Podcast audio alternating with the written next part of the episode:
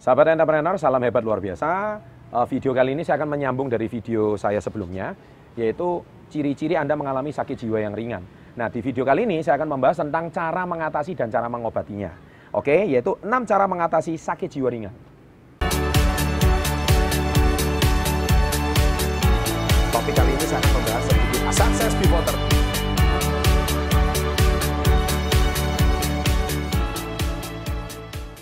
Nah, sebelum saya membahas lebih jauh, saya mau tekankan saya bukan se seorang psikolog ya.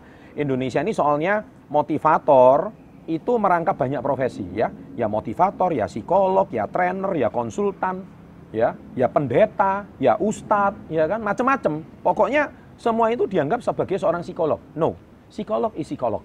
Itu yang saya mau edukasi di sini. Psikiater is psikiater.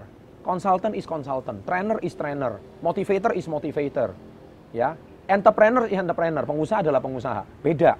Ya, jadi Anda nggak bisa rangkum jadi semuanya. Dukun adalah dukun. Beda gitu loh. Nggak bisa disapu rata semuanya. Nggak bisa. Ya, kalau di negara-negara maju semua itu ada divisi dan bagian masing-masing. Di Indonesia ini semuanya dijadikan rata. Nggak boleh. Ya, jadi eh, sahabat entrepreneur, saya di sini eh, mempertegas bahwa eh, orang-orang yang sakit jiwa itu harus ditangani di tempat yang tepat. Ya, uh, di video-video saya sebelumnya sebenarnya saya sudah membahas tentang uh, kenapa saya ingin membahas ini ya karena saya perhatikan di kolom komen banyak dari cara dia komen aja ketahuan kalau orang ini sedang mengalami sakit jiwa ringan makanya dibully lah generasi micin lah please deh jangan bully mereka kasihan sebenarnya adik-adik ini kalau saya perhatikan bukan mereka itu generasi micin dan sebagainya dibully karena mereka itu dalam artian mengalami gangguan jiwa tapi dia tidak sadar. Nah, semoga video ini menyadarkan mereka. Yang pertama adalah psikoterapi. Ya, psikoterapi itu ya larinya ke psikolog ya. Jadi dari situ Anda bisa e, mungkin di rumah tangganya orang tuanya sedang bercerai mungkin contohnya. Sehingga dia dari kecil mungkin tidak mendapatkan figur ayah yang baik atau figur ibu yang baik sehingga dia mungkin dibesarkan dengan cara yang tidak benar. Nah, dia perlu psikoterapi. Jadi psikoterapi ini e, mungkin terapi sosial yang sangat baik.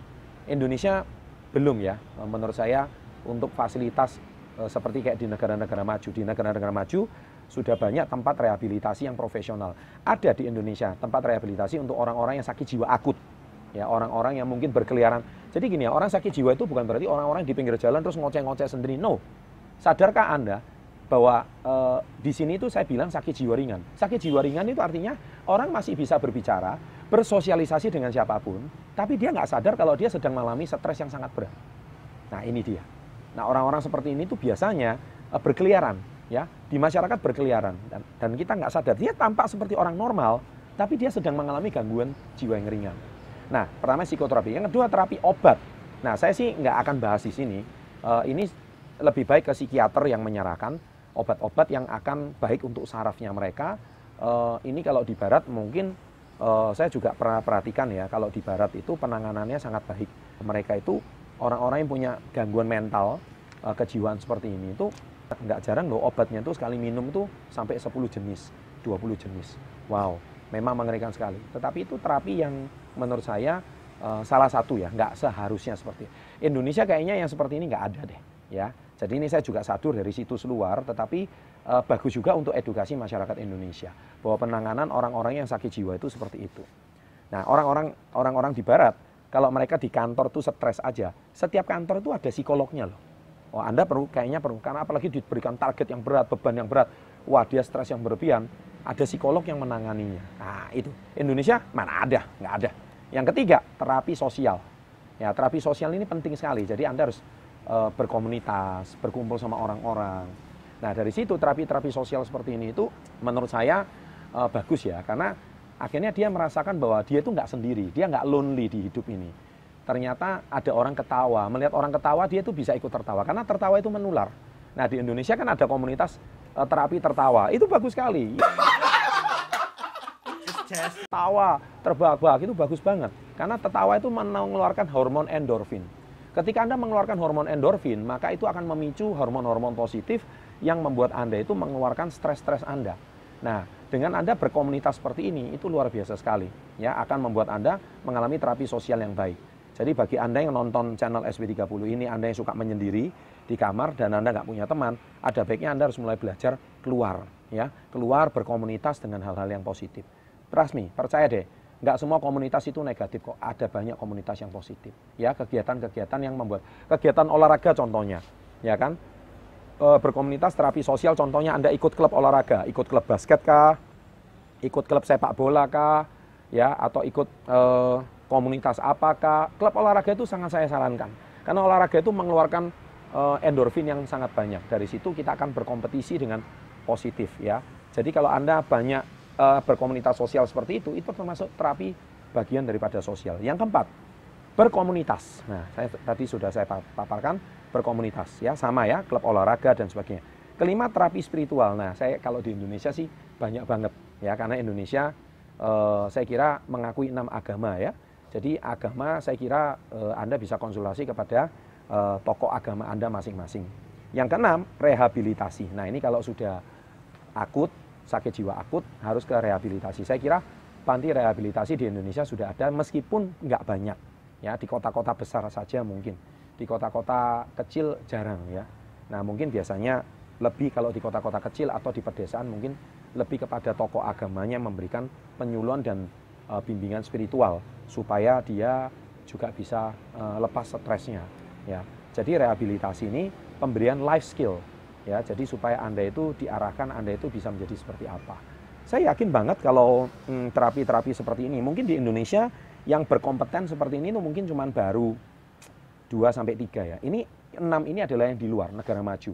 Indonesia kalau saya lihat di sini mungkin baru 6 terutama poin kolomel terapi spiritual Indonesia ini jago banget ya.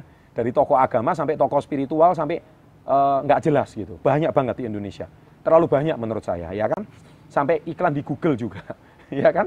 E, jasa menangani pelet contohnya, jasa e, susuk contohnya, banyak banget saya nggak mau bahas itu.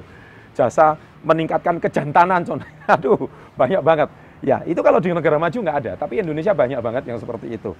Nah ini e, e, terapi seperti ini menurut saya ditangani harus pada orang yang tepat. Channel ini uh, saya bertujuan channel ini juga mengedukasi bangsa Indonesia supaya Anda itu naik level lah. Ya, naik level pengetahuan Anda. Jadi Anda nggak melulu cuman belajar dari uh, lingkungan Anda. Jadi channel ini menerobos pemahaman-pemahaman baru supaya Anda juga punya wawasan baru bahwa uh, ternyata kalau Anda sedang mengalami sakit jiwa ringan, ciri-ciri seperti ini, Anda itu juga harus ditangani pada uh, divisi yang tepat. Ya, kalau divisi yang tepat seperti ini, misalnya Anda akan menjadi makhluk sosial yang mandiri dan Anda juga bisa mempunyai suatu uh, apa ya uh, kehidupan sosial yang lebih baik. Jadi Anda nggak menyendiri dan sebagainya. Ingat, jangan sampai negara kita ini menjadi kontributor manusia bunuh diri terbesar di dunia. Manusia depresi, manusia alay. Nah, alay lebay itu juga ciri-ciri orang-orang yang secara nggak disadari sakit jiwa ringan.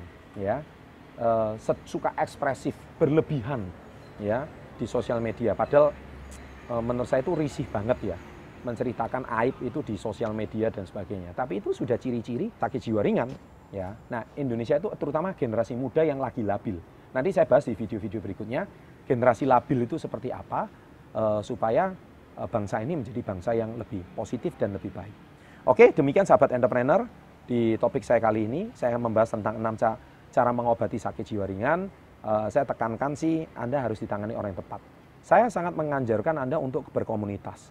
Uh, kemudian saya punya komunitas positif, komunitas Yes. Di komunitas Yes Anda juga bisa menghubungi murid-murid saya di chandraputanegara.co.id. Anda kalau butuh mentor, bukan cuma bisnis saja, Anda butuh mentor kehidupan, mereka siap membantu Anda, uh, siap memberikan Anda arahan positif untuk arahan masa depan Anda. Ya, dengan demikian anda bisa mempunyai satu kegiatan yang positif. Oke, dan de, uh, sekian untuk tips saya kali ini. Bila Anda menyukai channel seperti ini, jangan lupa klik like, berikan komentar-komentar Anda di bawah. Sebelum Anda memberikan komentar, komunitas Yes itu apa, saya sudah bahas di video saya, silahkan hubungi aja. Dan jangan lupa subscribe, ya, share pada teman-teman Anda, uh, notifikasinya dinyalakan, loncengnya dinyalakan, dua videonya silahkan ditonton, silahkan memberikan dampak positif bagi kehidupan Anda. Sukses untuk Anda, salam hebat, luar biasa.